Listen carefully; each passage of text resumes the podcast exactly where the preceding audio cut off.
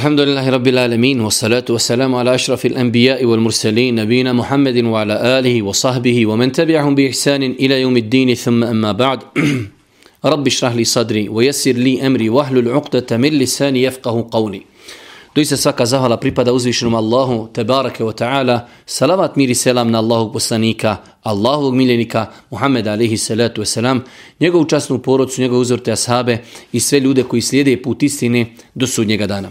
Uvažno braćo i poštovani sestre, ovo je peti dan zimske škole Islama, drugi čas, odnosno svi časovi, znači do sada deseti čas.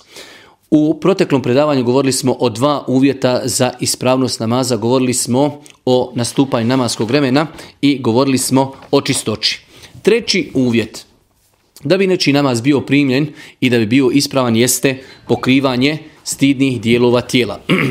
Rekli smo eh, kada je u pitanju Kur'an, Kur'an ne samo da naređuje da se čovjek E, da pokrije stidne dijelove tijela, već naređuje nešto i više od toga, pa kaže uzvišeni Allah, ja beni Ademe, hudu zinetekum inda kulli mesđid.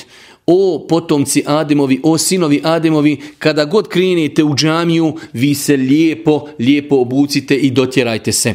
Pa vidimo čak ovdje da nam uzvišeni Allah ne samo da nam naređuje, pokrivanje stidnih dijelova tijela, čak šta i više, naređuje da se čovjek lijepo obuče, Prvo, zato što će u džami imati priliku da se druži sa više ljudi, a s druge strane namaz je direktan razgovor sa uzvišenim Allahom subhanu wa ta'ala. Allah poslanik alaih salatu sram kaže La yakbalu Allahu salata haidin illa bi himarin Allah Žešanu neće primiti namaz punoljetne žene osim ako je pokrivena. Osim ako je pokrivena.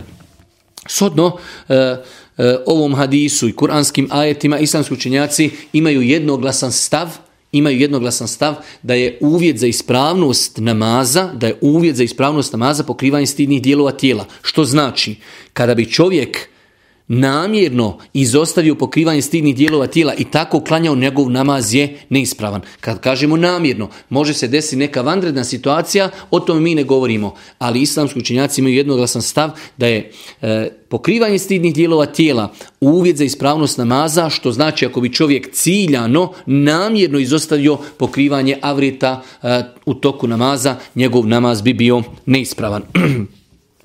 Definitivno, rekli smo da treba napraviti u jednu ruku i razliku između toga mi smo govorili mimo namaza da postoji e, avreti koji čovjek kada izlazi iz kući treba pokriti prilikom izlaska iz kući i žena koji avrete treba pokriti kada izlazi iz kući.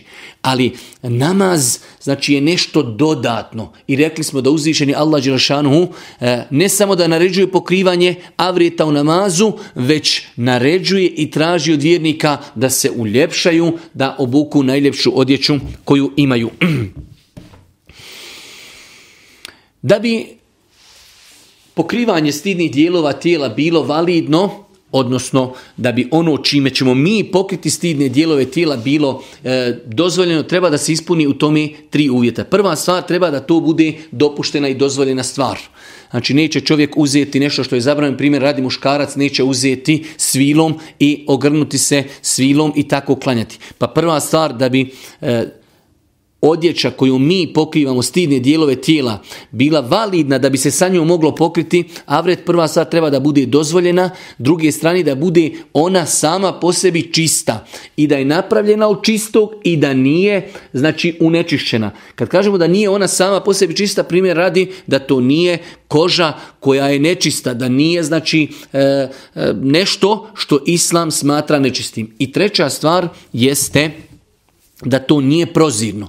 Ovo je jedan veoma bitan eh, uvjet, jedna bitna, veoma bitna klauzula, a to je nerijetko nam se dešava u ljetnim danima, eh, kako muškarci, tako i žene, kada klanjaju, klanjaju u odjeći koja je prozirna. Pa ćemo vidjeti da muškarci dolazi u hlačama, koje su tanke i prozirne do te mjere da se ispod lača vide znači e, donji veš kod muškarca. Kod žena su prozirni rukavi, prozirne su mahrame da im se vide uši, prozirne su nekada i suknje i tako dalje. Pa čovjek znači da bi pokrivanje stidnih dijelova tijela u islamu u toku namaza bilo ispravno treba da to pokrije nečim što je dopušteno, nečim što je čisto i nečim što nije prozirno. Ovo je veoma bitno, rekli smo, nerijetko nam se dešava da ljudi e, pokrivaju avrete nečim što nije, što je prozirno, samim tim, znači prozirno odjeća u islamu ne broji se da je na taj način pokriven, pokriven avret u namazu. Kada je u pitanju muškarac, i ono što mora pokriti u namazu e, imamo, ajde da kažemo, nešto što je minimum što se mora pokriti u svakom pogledu, a to je da čovjek mora pokriti dio tijela od pupka do ispod koljena. To je nešto što mora čovjek pokriti, znači e, obavezno. A imamo hadisa da Allah poslanik ali se letu preporučio i kaže nemoj da neko od vas da klanja, a da nema ništa od odjeće na ramenima. Tako da Eh, kada uzmemo ovaj hadis Božih poslanika ali se letu nam o zabran da se klanja da nemamo ništa na ramenima i uzmemo kuranski ajet gdje Allah Đeršanu kaže o sinovi Ademovi kada namaz obavljate lijepo se obucite vidimo da postoji kao dva načina pokrivanje stidnih dijelova tijela kod muškarca imamo nešto što je minimum što moramo pokriti a imamo nešto što je pohvalno i lijepo. Pa je obaveza da bi namaz bio primljen da pokrijemo dio tijela od pupka do ispod koljena i da su koljena pokrivena, a svakako da, da je lijepo i pohvalno da obučemo odjeću koja će pokrivati naša ramena, da li će to biti majca, da li će to biti košulja, da li će to biti sako i tako dalje. U svakom slučaju propisano je da prilikom obavljanja namaza čovjek obuče lijepu odjeću. Kada je u pitanju žena, islamski učenjaci kažu da žena, kada klanja svakako sa ženama, smije, pokriti, smije u namazu otkriti lice, smije otkriti šake i po određenom broju islamskih učenjaka smije otkriti e, znači stopala dole ispod članaka, ono što se peri prilikom abdesta. To su tri stvari koje žena smije otkriti u namazu. Tako da kada ima, imamo sestre koje nosi neke turbane pa im vire uši, vire im vrat ili imaju neke majice koje su kraćih rukava ili imaju neke suknje koje su iznad članaka, sve to znači može, može uzrokovati neispravnost namaza. Žena u namazu može otkriti samo lice, čak i podbradak, ovaj donji dio bradi žena treba da u namazu, a iza namaza kada izlazi iz kuće treba da pokrije. Znači žena koja ne nosi nikav kada izlazi iz kuće treba da pokrije, pokrije ovaj donji dio, znači podbradak smije otkriti šake i smije po određenom broju islamskih učenjaka otkriti stopala, to jest ne mora klanjati u čarapama. Iako moj stav je da je bolje i prioritetnije da žena klanja u čarapama, ali ako bi žena klanjala bez čarapa, inšala bizna, mi smatramo da je njen namaz ispravan. Znači, rekli smo za muškarca, stidni dijelovi tijela u namazu su sve što je od pupka do ispod koljina pohvalno i lijepo da obuče nešto što će nositi na ramenima, da li će to biti majica, da li će to biti košulja, da li će to biti sako. Kada su u pitanju žene, žena u namazu treba pokriti cijelo tijelo osim lica, a znači rekli smo da treba pokriti podbradak, donji dio bradi, može otkriti šake i može otkriti stopala, ali je bolje i prioritetnije da pokrije stopala u namazu. Ako bi žena klanjala otkriveni stopala, Inšala biznila, njen namaz je ispravan, ali je bolji, ali je bolje da klanja pokriveni stopala. E, to je nešto kratko i rezimirano što se vezuje za treći, za treći e, uvjet ispravnost namaza, rekli smo treba prvo da nastupi namasko vrijeme, treba da očistimo i tijelo i odjeću i mjesto gdje klanjamo, treba da se lijepo i propisno obučemo, tri uvjeta, četvrti uvjet jeste da se okrenemo prema kibli da se okrenimo prema kibli. E, Islamski učenjaci imaju jednoglasan stav, konsenzus, da je ispravnost namaza uvjetovanja okretanjem prema kibli, u pravcu kibli. Kaže uzvišenje Allah subhanahu wa u suri Al-Bekara u 144. ajetu فَوَلِّ وَجْهَكَ شَطْرَ haram i okreni svoje lice u pravcu časnog hrama. U vjerodostojnom hadisu kojeg bilježi Buharija i Muslim Poznat je taj hadis i danas kada ljudi ode, odu obilaziti Medinu, odu da posjete taj čuveni tako takozvani mesčit kibletin e, jedne prilike Allahom poslanika. Allahom poslanika ali se letu u početku Islama okrećao se prema Bejtul Makdisu u namazu. Tako je proveo 16 ili 17 mjeseci, pa je, znači uzvišen Allah subhanahu wa ta'ala derogirao taj propis, pa je naređen Božim poslaniku da se okreće prema Keabi, da se okreće prema Mekki. Pa jedan ashab klanjao sa Božim poslanikom, ali i salatu wasalam, okrenuli su se, znači, počeli su da obavljaju namaze, okrenuti prema kibli, prema kjabi. Pa je on došao, prolazio je pored jednog mešćida gdje ljudi još nisu čuli za taj propis, pa je kazao, ljudi, ljudi, Božijem poslaniku alaihi salatu wasalam e, noćas je objavljen Kur'an između ostalog naređeno mu je da se ob, okreće u namazu u pravcu kibli pa su oni pošto su već bili klanjali pola namaza okrenuli su se i ostali dio namaza klanjali u pravcu kible u pravcu Mekke. Pa su znači to argumenti kuranski ajet fevolli vođheke al mesjid haram e, jasno ukazuje e, da je obaveza da čovjek prilikom klanjanja namaza se okrene u pravcu u pravcu kibli. Allah poslanik onom poznatom hadisu kada je vidio onog čovjeka da brzo klanja, pa ga je tri puta vraćao, idi ponovo klanjaj, pa se on vrati, idi ponovo klanjaj i tri puta, onda mu je čovjek došao i kaže Allahu poslaniće, ja ne znam drugačije klanjati, poduči me. Pa mu kaže Allahu poslanik kada se letu selam kada želiš klanjati, uzmi propisano abdest, okreni se prema kibli, a zatim se kaže okreni prema kibli i donesi početni tekbir.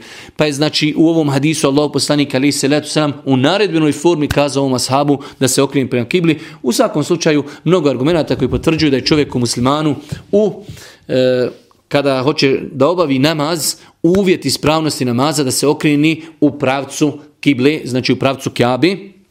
Ono što je Allahova milost jeste da čovjek musliman znači Nemoguće bi bilo, i o tome ćemo poslije govoriti, nemoguće bi bilo da se okreni 100% prava kibli, već je nama o, znači, propisan se čovjek okreni u pravcu, u pravcu e, kibli. Za nas ljude koji smo tu negdje u Europi, Bosna i Balkan, pravac jugoistočno, znači imamo istok, imamo jug i sad ovo, znači jugoistočno sredina ta gdje god da se čovjek inšala okreni, njegov namaz, njegov namaz je ispravan.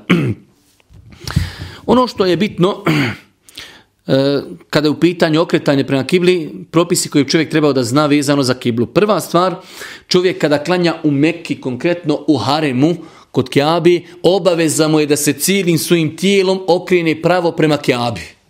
Ja sam na to ukazivao više puta, ja sam svojim očima imao slučajeve situaciju kada ja vidim gdje je Kjaba, 50 metara ispred čovjeka i čovjek se okreni u drugom pravcu. Pa čovjek mora nekoga uzeti za rame i okrenuti ga da se okreni prema kjabi. Znači onog momenta kada čovjek, kada ga Allah počasti, ode u Meku i klanja u Meki, inšala nekoga će počastiti da nakon ovog seminara odemo e, na umru u Ramazanu. Kada čovjek klanja u haremu i vidi kjabu svojim očima, obaveza mu je da se okreni pravo prema kjabi svojim cijelim tijelom.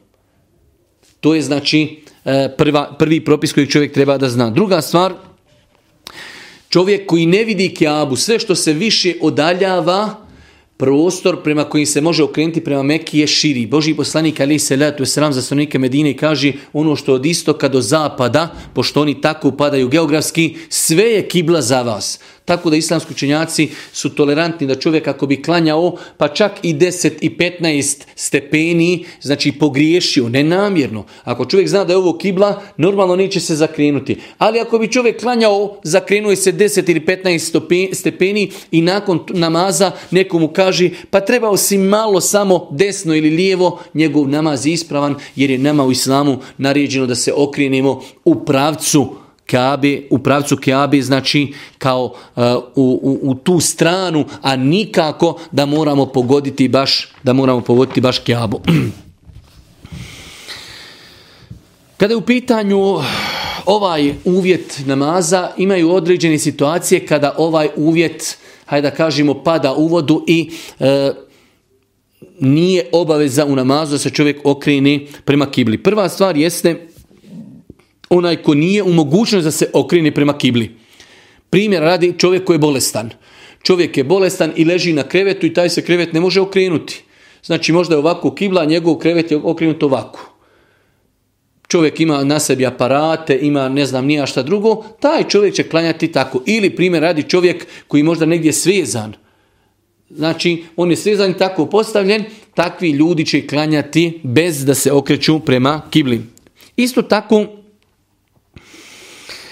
Imamo situaciju da ljudi nekada ne znaju gdje je kibla. Imamo situaciju da ljudi ne znaju gdje je kibla.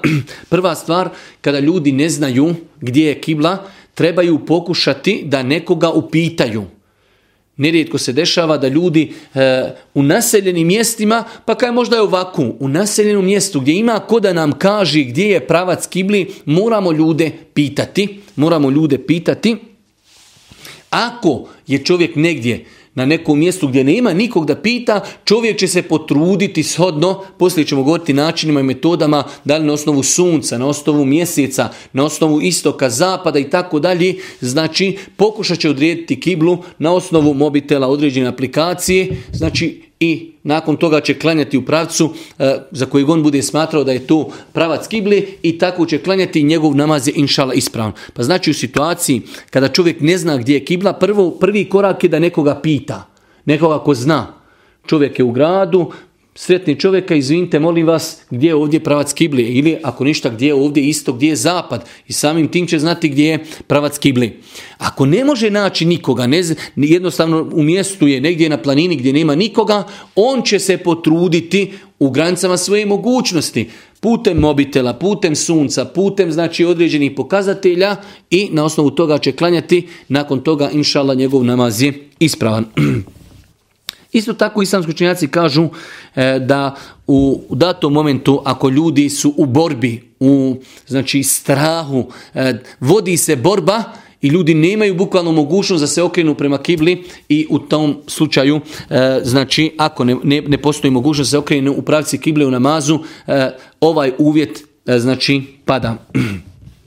Kada je u pitanju, ono što je interesantno, a trebao bi čovjek vjernik da zna, jeste E, da čovjek kada je na putu, to je prvi uvjet, i kada putuje, znači na putuje i trenutno putuje, ako klanja na filu namaz, ne mora se okretati prema kibli. Znači čovjek ako je na putu, putnik, kada stani klanjati farze, mora skontati gdje je kibla i okrenuti se prema kibli. Odnosno, ako ništa, mora se potruditi. Dok kada je u pitanju na fila dobrovoljni namaz i trenutno putovanje, u toj situaciji ova dva uvjeta ako se ispuni nije obaveza da čovjek se okreće prema kibli. Pa primjer radi čovjek iz Sarajeva leti e, prema Ljubljani avionom. Tačno je okrenut bukvalno u kontrapravcu, u kontrapravcu od kibli nema smeta da čovjek dok je znači putovanje u toku u avionu onako kako je njegovo mjesto okrenuto da klanja na filu namaz, da iskoristi vrijeme dok je u avionu da klanja na filu namaz onako kako može sjedeći. Pa znači po dva uvjeta ako klanja dobrovoljni namaz i ako trenutno se kreće i putuje, ako klanja znači e, uvjete da bude čovjek musafir, to je prva stvar. I druga stvar da se kriči, da je u toku kretanja nije mu obaveza se okreće prema kibli jer je zabilježeno u vjerodostojnim hadisima da Allah poslanik ali se letu selam kada bi bio musafir na devi kako bi deva putovala tako bi on klanjao. S tim što postoji e, znači jedan hadis da Allah poslanik nekada bi na početku namaza na početku namaza okrenuo bi se prema kibli svoju devu, donio bi početni tekbir, nakon toga je pustio devu da ide u pravcu gdje se on trenutno kreći.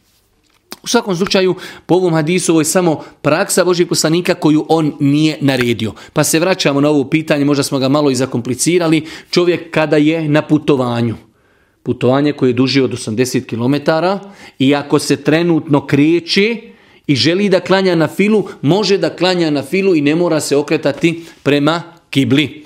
Ako može, ako može dobrovoljno, a ne obavezujući, da na početku namaza okreni se prema kibli, a nakon toga da svoje privozno sredstvo u kojem se vozi na, znači, nastavi okrenu tamo gdje putuje, to je dobro, ali ako ne može, nije mu to obaveza. Ovo govorimo iz razloga što nerijetko nam se dešava, ljudi putuju desetine sati zajedno, neko dolazi iz Njemačke za Bosnu u autu, neko putuje u avionu, vrijeme, znači ako nismo vozač, suvozač smo, sjedimo u autu, zašto ne iskoristiti vrijeme, jer ne moramo da se okrećemo prema kibli, možemo klanjati sjedeći, zašto da ne iskoristimo vrijeme zbog blagoslova beričeta, zbog namaza, vrijednosti, da iskoristimo vrijeme u autu ili u avionu ili negdje na brodu da klanjamo dobrovoljni namaz. Kada u pitanju određivanje kibli, e, prvenstveno čovjek u današnje vrijeme, hvala Allahu Đelšanu, živimo vremenu kada je doista olakšano e, određivanje kibli. Vjerujem da svaki musliman ima neku aplikaciju, neku, neki vaktiju ili takvim kojim mu pokazuje pravac kibli.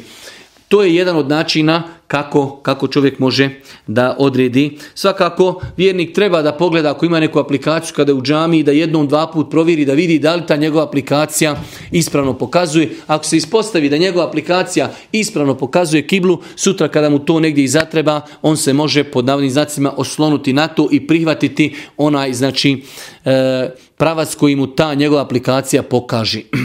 Isto tako, rekli smo, Čovjek će e, kiblu saznati pravac kible putem pitanja. Tako što će nekoga, ako je musliman, pitat će gdje je kibla, ako je musliman, onda će ga pitati gdje je isto, gdje je zapad, kako bi mogao na osnovu toga odrediti. Isto tako, islamski učenjaci kažu, ako je čovjek u zemljama gdje postoje džamije, ako je u zemljama gdje postoji džamije na osnovu mihraba. Mihrabi su uvijek okrenuti u pravcu kible, pa čovjek ako vidi džamiju i vidi kako je okrenuta džamija, tako će se i on okrenuti i nema potrebe da nekoga pita. Znači na osnovu starih mihraba, na osnovu džamije, ako čovjek vidi određenu džamiju u blizini, onako kako je džamija okrenuta i on će se inšala okrenuti. Isto tako na osnovu, rekli smo ovih, eh, na osnovu poznavanja gdje je istok, gdje je zapad, generalno evo kaže mi na Balkanu pa i kompletna skoro Europa, jugoistočno znači se okrećemo u pravcu u pravcu Kjabi.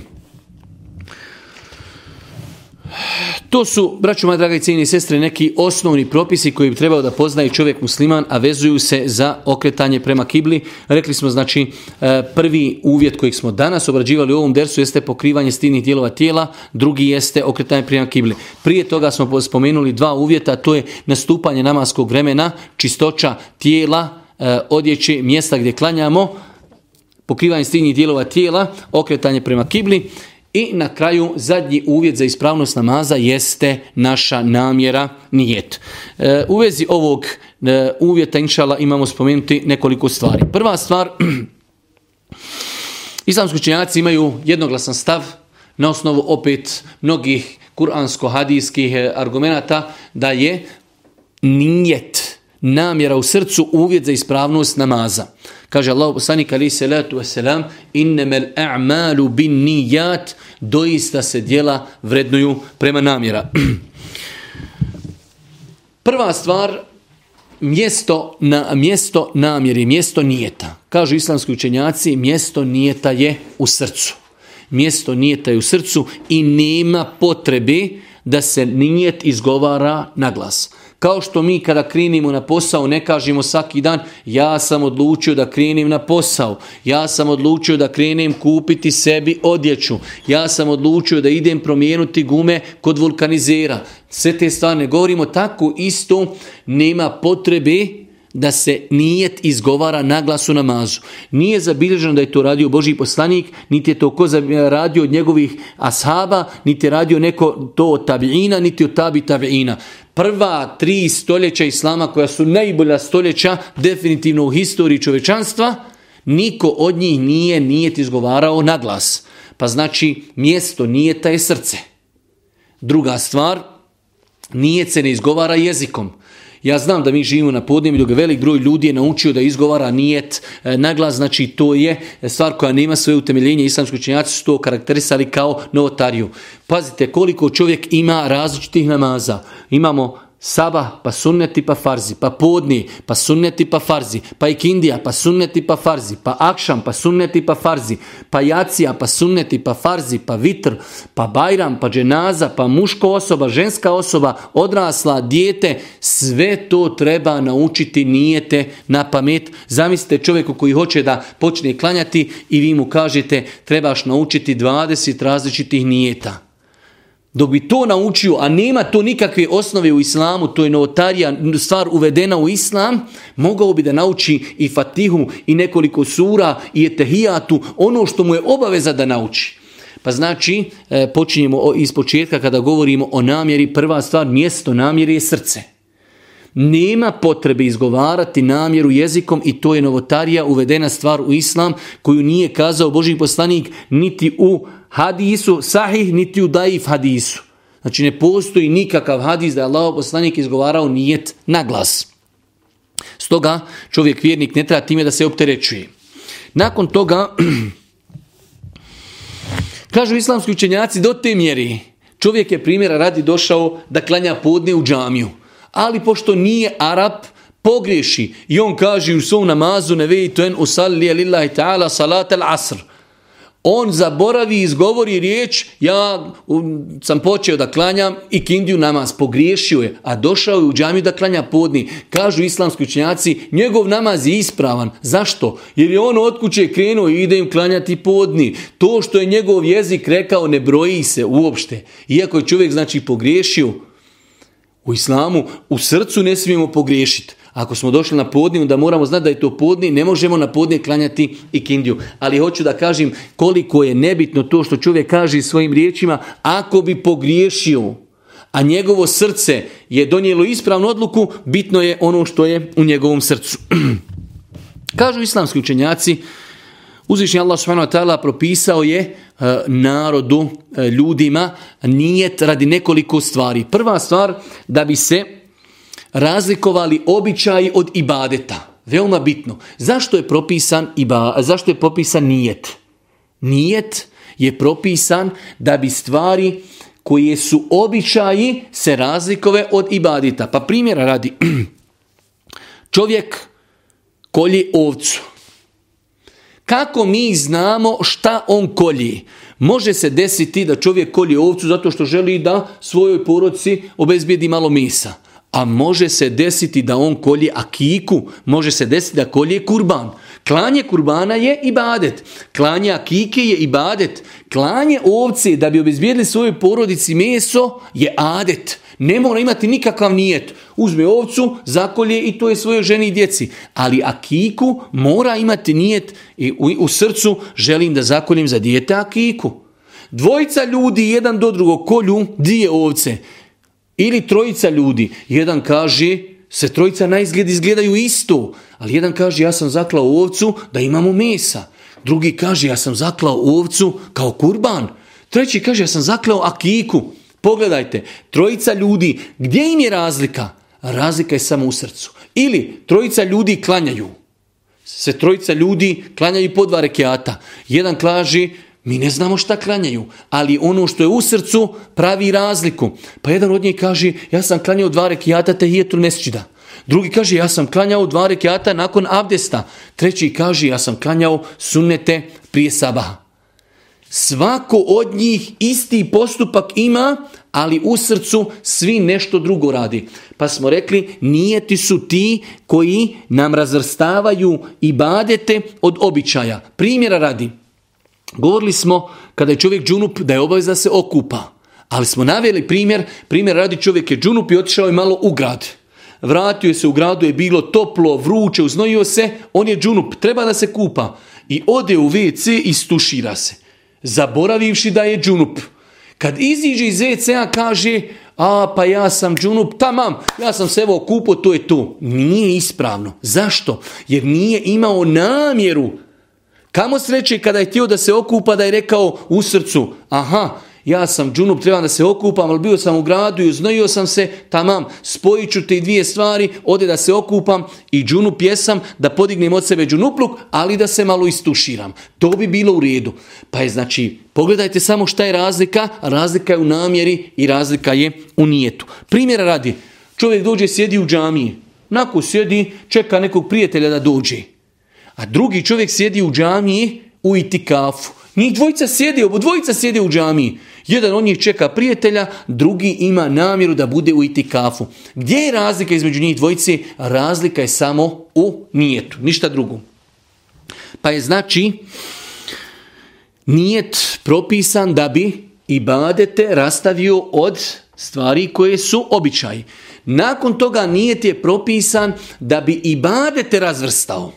Šta to sad znači? Primjer radi, imamo dvojicu ljudi i klanjaju namaz. Rekli smo, dvojica ljudi klanjaju u nekom mešćidu. I poslije namaza mi pitamo njih, kaže ovaj jedan, ja sam klanjao podni namaz.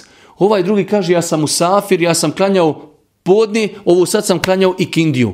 Iako na izgled isto klanjaju, ali razlika je u srcu. Dvojica ljudi posti.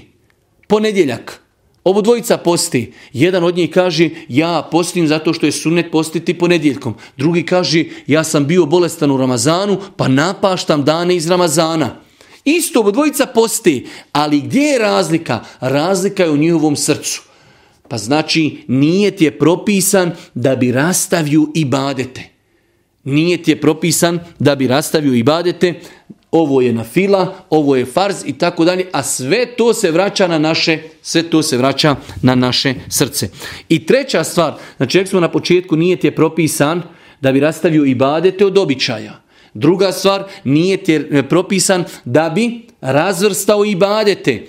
Rekli smo trojica ljudi kolju ovcu i svako od njih ima svoj nijet. Dvojica, trojica ljudi klanjaju namaze i svako ima svoj e, nijet. Trojica ljudi posti i svako od njih ima različit nijet.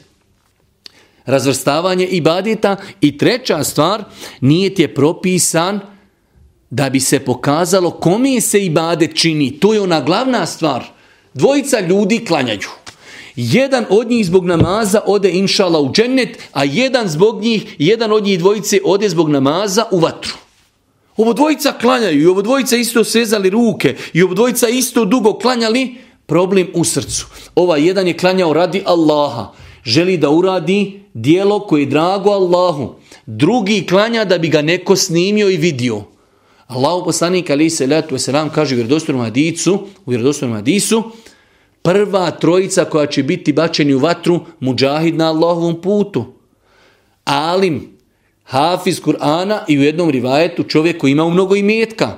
Gdje im je bio problem? Problem je bio u srcu pa će dovesti čovjeka koji poginuo u džihadu i kažu zašto si poginuo? Pa kaže ja sam poginuo gospodaru da bi tvoja riječ bila gornja. Pa će mu kazati lažiš.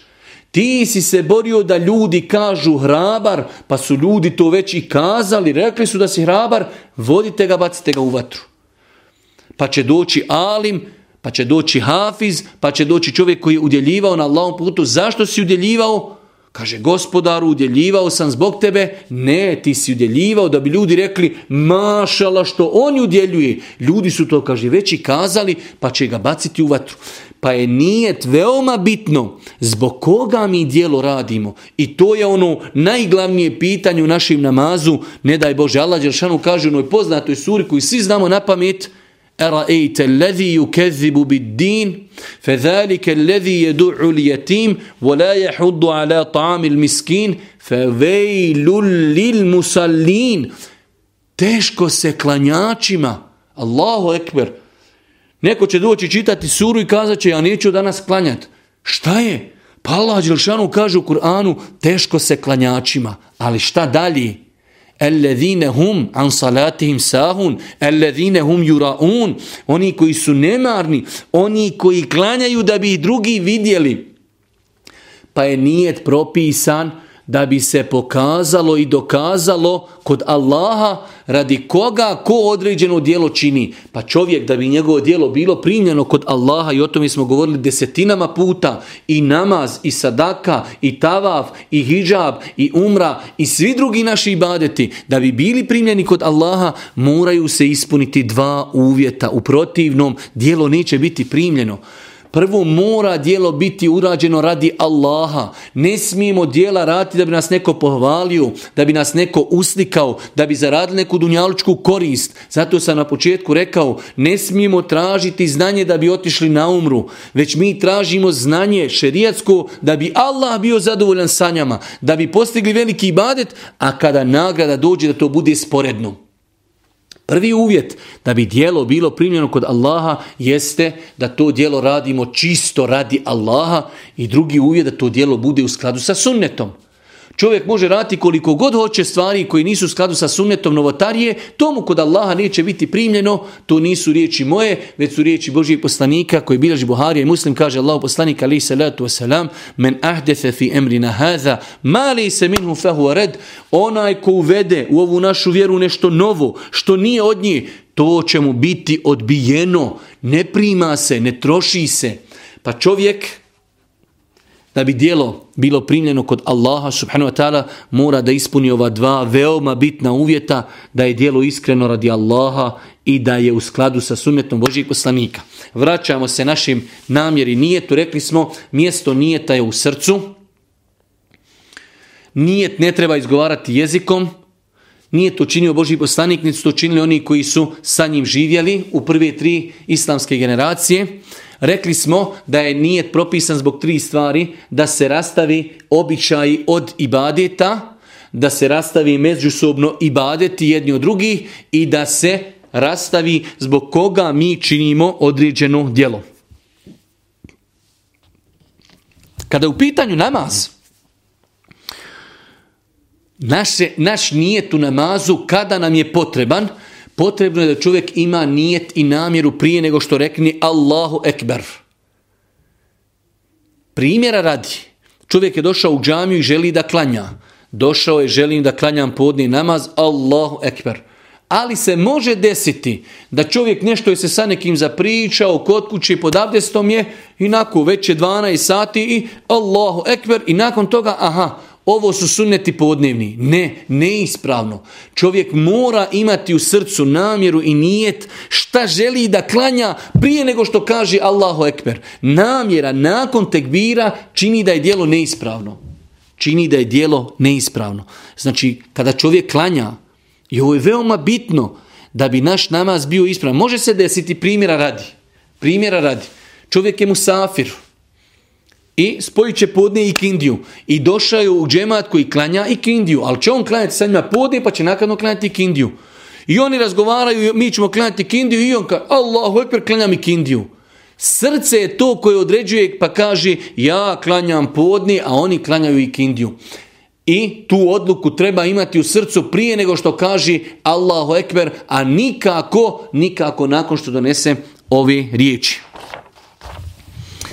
Dobro, nakon toga ako Bog da do kraja ćemo govoriti o jednoj veoma interesantnoj, a veoma bitnoj temi koju bi čovjek trebao da poznaje, a koja se vezuje ako Bog da za ovo poglavlja, to je promjena nijeta. Promjena nijeta u namazu. Ovo sve govorimo još govorimo o uvjetu namaz, ispravnost namaza jeste namjera u srcu i nijet.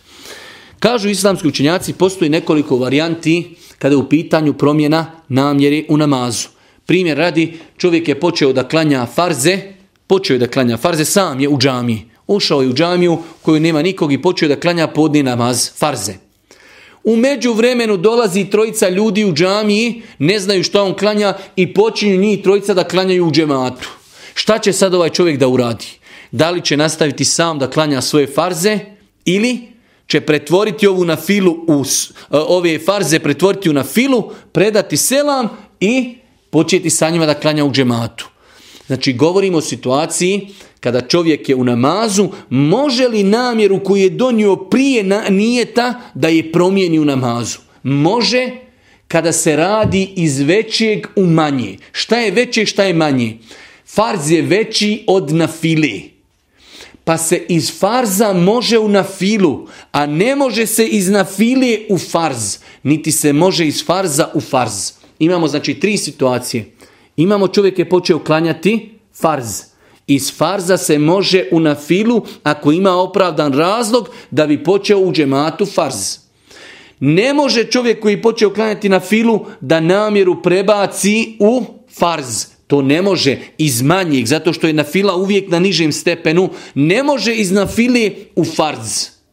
Niti može iz farza u farz čovjek počeo klanjati podne farz i onda se sjeti, a nisam klanjao saba, eh idem ja tu preba, ne može. Znači, jedina verzija koja može u ovom slučaju jeste iz farza u nafilu. Ako zatim postoji validan razlog. Spomenuli smo situaciju, čovjek je ušao u džamiju i klanja sam. Podne farze klanja. Kada je bio na drugom rekatu, dolazi skupina ljudi, uče i kamet i počinju klanjati podne u džematu. Šta će on uraditi? U srcu, srce je bitno, pretvara nije tvarza u nafilu, na drugom, na prvom sjedenju sjedi i prouči tehijatu, preda selam i ustaje sa njima i klanja farze iz početka. Prevrnuo svoju namjeru iz farza u, inšala, u nafilu. Pa smo rekli, znači, da je dozvoljeno iz farza u nafilu. Iz nafile u farze nemoguće. Zato što je farz e, znači na većem stepenu od nafile i nemoguće je na filu pretvoriti u farze, niti možemo farz pretvoriti u farz. Jedina verzija koja se može pretvoriti jeste da čovjek iz farza promijeni namjeru u toku namaza, da to pretvori, to bude na fila. Nakon toga imamo razlike između nije ta čovjeka koji klanja e, imam i onaj koji klanja za imamom. Da li čovjek koji klanja za imamom mora imati istu namjeru kao imam? Da li kada mi dođemo u džamiju? Definitivno u 95% slučaja mi kada smo došli u džamiju uči se ezan, uči se i kamet, hođa klanja podne i mi klanjamo podne. Hođa klanja i kindiju i mi klanjamo i kindiju. Ali mora li naša namjera uvijek biti ista? Može li se desiti situacija da mi ne klanjamo znači sa istom namjerom kao imam i da naš namaz bude ispravan? Tačno je, inšala biznila, da mi ne moramo uvijek u datom momentu može biti situacija kada mi ne moramo imati istu namjeru kao imam. Pa primjera radi,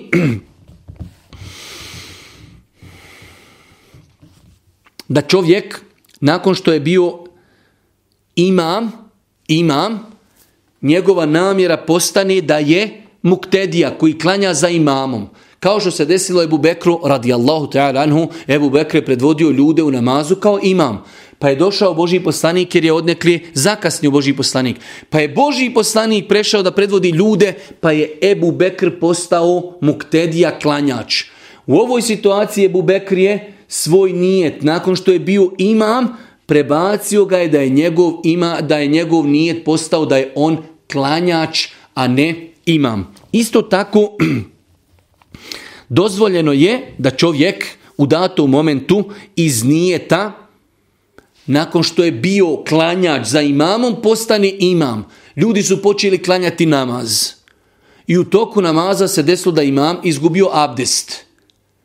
Jedan od klanjača će proći klanjati na mjesto imama. Tada njegov nijet postaje sada sam ja imam ljudima. U početku namaza on je bio šta? Muktedija, bio je klanjač ali je imam napustio namaz iz opravdanog razloga, on prelazi pred džemat i njegov nijet postaje da je on imam ljudima. Ono što je isto interesantno i time ćemo ako Bog da i završite ovo poglavlje, ne bi volio da vas time opteretim, a to je kada čovjek klanja farz i na filu, da li, da li mi ako klanjamo za imamom, on klanja farz, da li i mi moramo klanjati za njim farz? Primjera radi da bi to shvatili.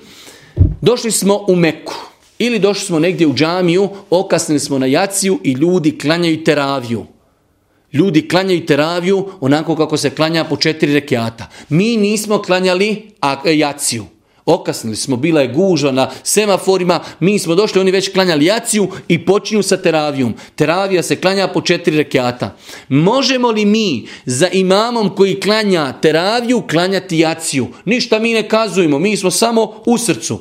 Hođa kaže Allahu Ekber i mi kažemo Allahu Ekber, on preda selam, mi predamo selam, on klanjao teraviju, mi klanjali jaciju. Može li se to desiti? Može. Ispravno je, inšallah, bi iznilda, da nije uvjet ispravnosti namaza da naš nijet mora biti kao nijet imama. E ovo je znači situacija imam klanja teraviju. Njegov nijet je na fila. Teravija je na fila sigurno. Mi smo došli, okasnili smo na jaciju. Hoćemo li mi cijelo vrijeme klanjati sa njim teraviju? Pa kod kuće klanjati jaciju ili ćemo prvi put kada uđemo u namaz, Allahu ekber, klanjamo jaciju. Kada imam preda selam, kada ustane na drugi rekat ponovo nakon predavanja selama i mi ćemo početi klanjati sa njim teraviju. Tačno je, inšallah, biznila da nema smetnji da se imam i onaj ko klanja iza mama razlikuju u nijetima. Jedan da klanja na filu, a jedan da klanja farz. Pa imamo situaciju, imam klanja na filu, imam klanja na filu, a mi za njim klanjamo farz, kao u slučaju teravije. Gdje je dokaz za to može? Dokaz je hadis koji Bilži Buharija i Muslim od Muaz ibn Džebela, radijallahu ta'ala anhu, on je znao sa Božim poslanikom klanjati jaciju, klanjaju farze. Nakon toga Muaz ibn Džebel odi u svoje nasilje gdje on stanovao, ljudi koji su se bavili poljoprivredom, malo poslije klanjaju jaciju pošto je on klanjao sa poslanikom i njegovi odabrani ashab i učeni ashab, on bi njih predvodio na namazu. On klanja šta? Jer je klanjao već sa poslanikom. On klanja na filu, a oni klanjaju za njim farz. I nije to Božji poslanik ali se selam negirao. U drugim vjerodostojnim disma je došlo da su e, da je Boži poslanik ali se selam spominjao da će doći e, vremena kada će predvodnici muslimana neće klanjati namaz u prvom namaskom vremenu. Pa su kazali asabi, a šta ćemo raditi Božji poslaniče? Kaže Allah poslaniče, vi klanjajte. Ako vi dođete, oni ponovo klanjajte, klanjaju i vi klanjajte, kaže sa njima, to će vama biti na fila. Aha, znači oni klanjaju farze, mi klanjamo za njima na filu, odnosno to je dokaz za drugu situaciju. Dokaz za situaciju kada imam klanja farz, a mi klanjamo na filu. Mi smo bili, dokaz moja ziblu džebela je da čovjek imam klanja farze, a mi e, imam klanja sunnete, a mi klanjamo za njim farze. Moramo malo to samo jednom ponoviti i da to ako Bog da zapamtimo. Da li je uvjet za ispravnost namaza da imam i ona koji klanja za njim obodvojica klanjaju na filu ili obodvojica klanjaju farze. Nije uvjet. Pa smo naveli primjer situacija kada čovjek dođe u džamiju gdje su ljudi klanjali jaciju i okasnio je. On nije klanjao jaciju, oni klanjaju teraviju. Teravija je dobrovoljni namaz. Možemo li mi za imamom koji klanja teraviju klanjati jaciju? Odgovor je da. Hadis kojeg bilježi Buharija i Muslim, da je ibn Džebel klanjao, za Božim poslanikom, ali klanjao sa Božim poslanikom jaciju farze. Dolazio bi u istoj toj noći, predvodio svoje e, znači stanovnike mjesta gdje on živi u Jaciji, on im je bio imam, njemu je ta na e, njemu je taj namaz bio na fila, a oni su iza njega klanjali Jaciju kao što je potvrđeno u određenim rivajetima ovog hadisa, a imamo s druge strane, rekli smo da imam klanja farze, a mi za njega klanjamo sunnete, zato što je takva situacija kada bi se desilo da mi kod kuće klanjamo namaz i došli smo u džamiju na neku manifestaciju, kad dođemo oni opet klanjaju. Mi tada klanjamo sa njima, njima je to farz, a nama je to, a nama je to, inšallah, sunnet. U svakom slučaju, u svakom slučaju, nadam se da nismo mnogo, da nismo mnogo zakomplicirali ove stvari. E, u ovom predavanju smo imali priliku, ako Bog da da, e, govorimo o tri uvjeta za ispravnost namaza. Govorili smo o nijetu, govorili smo o okretanju kibli i okretali i govorili smo o pokrivanju stidnih dijelova tijela. Subhaneke, Allahume bihamdike, ešhedu in la ilaha ilan stakfiruke ve tubu